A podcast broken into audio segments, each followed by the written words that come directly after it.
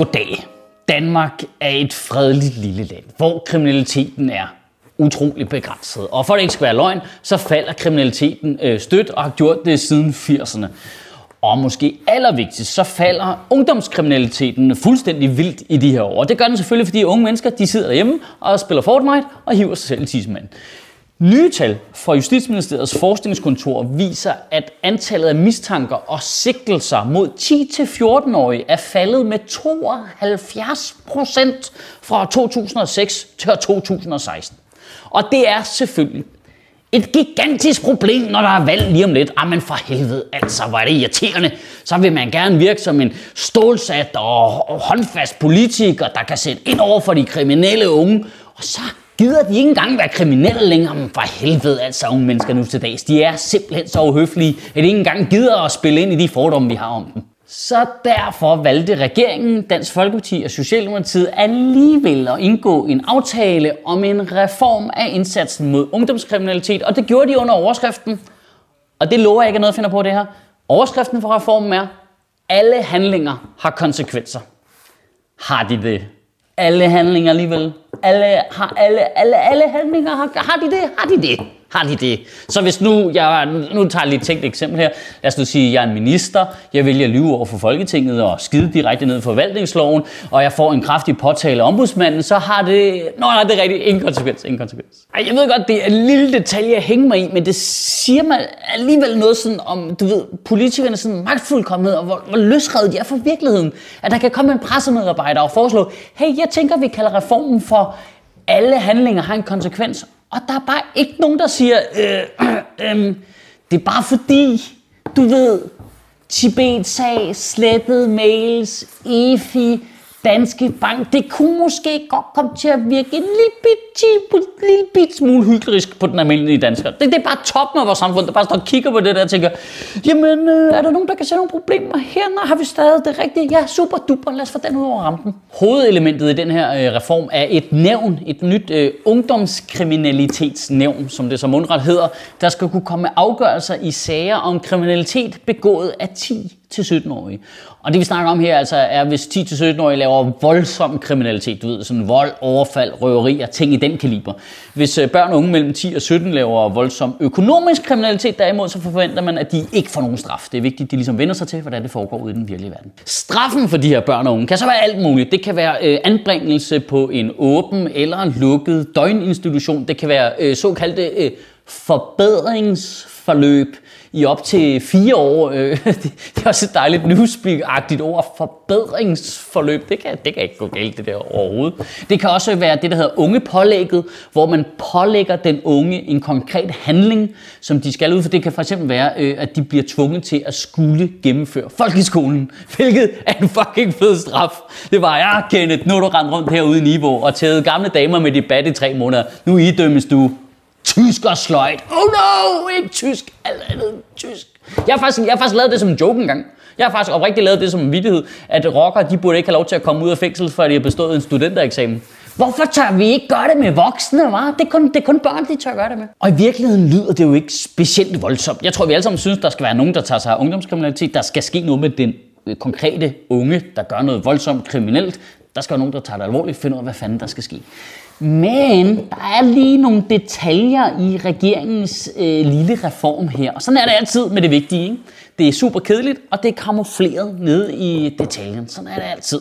Så nu skal du lige tage den store monokkel frem og lytte efter i to sekunder. Fordi det, der sker i øh, regeringens øh, øh ungdomskriminalitetsreform her, det er, at man ikke sænker den kriminelle lavalder. Den forbliver på 15 år gammel, og det er faktisk problemet her. Fordi man sætter jo det her ungdomskriminalitetsnævn til at udmynde en straf alligevel, men fordi det ikke er inde i det juridiske system, så har børn og unge, der havner i systemet, ikke de samme rettigheder, som man normalt har i det juridiske system. De har for eksempel ikke ret til en advokat. Nu skal I prøve at høre, hvad øh, tidligere chef kriminalinspektør ved Københavns Politi og nuværende, øh, nuværende formand for Børnerådet, og øvrigt fuldstændig generelt awesome guy, øh, Per Larsen, han udtalte sig. Det ligner, at man er ved at indføre et strafferetsligt system, hvilket vil sige, at man faktisk nedsætter den kriminelle lavalder bare af bagvejen. Ja, uden en advokat. Uden du må have en advokat som barn. Næstformand i Justitia, Birgitte Arndt Eriksson, påpeger, der i forslaget ikke er det, man kalder en uskyldsordning. Altså, at man er uskyldig til det modsatte er bevist. For børnene er jo under den kriminelle lavalder, så de er slet ikke noget ind i den juridiske sfære, så de er bare det, de voksne siger, de er. Og det leder os direkte hen til djævels detalje nummer 2, som også er en kedelig en, men super vigtig. I dag fungerer det sådan, at sager, hvor øh, børn og unge under 15 år øh, har lavet noget kriminelt, så øh, skal man ligesom vurdere, hvad der skal ske med dem. Og det gør øh, sådan et panel bestående af en dommer, to børnesagkyndige, typisk øh, du, psykologer, pædagogisk uddannede mennesker fra øh, kommunen, og så to lægmand, det man i almindelig retspraksis vil øh, kalde en domsmand. De skal ligesom vurdere, hvad der skal ske. Med den nye reform, så vil det være en dommer, en fra politiet og en fra kommunen, der afgør det. Så politiet er lige pludselig både udøvende og dømmende magt. Det er bare så rent Judge Dredd, så der er bare ikke noget at gøre. Det er bare, det er bare politiet, der bestemmer, hvad der skal ske med dig. Ej, men og det er bare, hey, rolig, rolig. Det er kun for børn jo. Pff, det er for børn jo.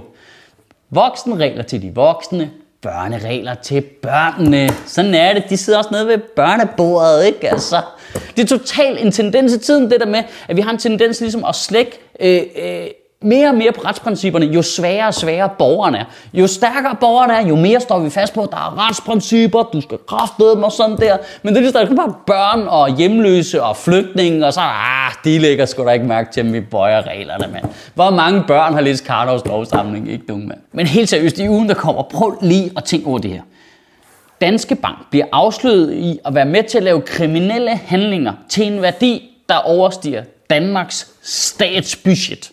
Og reaktionen er, åh ja, nu må vi lige have undersøgt, hvad der er sket. Øh, tingene tager tid. Det er vigtigt ikke at dømme nogen for tidligt. Vi må lige roligt nu. Altså, erhvervsminister Rasmus Jarlov var gud hjælp mig ud og sige, ah, at det er ikke sikkert, det kan betale sig at grave til bunds i sagerne, fordi det er lidt dyrt.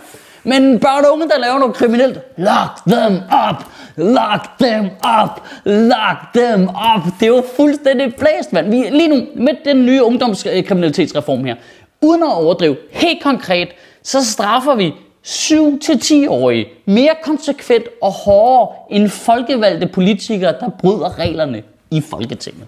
Altså, uden diskussion, hvorfor helvede laver vi ikke et demokratikriminalitetsnævn, hvor der kan sidde nogle uvildige mennesker og vurdere, om politikere skal sendes i et forbedringsforløb, når de for eksempel, nu jammer jeg bare, indfører rettergang til børn uden retsadvokatbistand, mand. Kan du have en god uge og bevare min bare røv? Jamen, de er så vilde, de politikere der. Prøv lige at tænke på, hvor vildt det er. At oprindeligt ville Dansk Folkeparti have foreslået at nedsætte den kriminelle lavalder til 12 år. Og børnene havde jo seriøst været bedre stillet, hvis Dansk Folkeparti fik deres vilje. Så, så, så, så, så er vi bare havnet et forkert sted. Rage Against the Mainstream kan downloades på ratm.dk for 50 kroner, eller streames på TV2 Play fra september.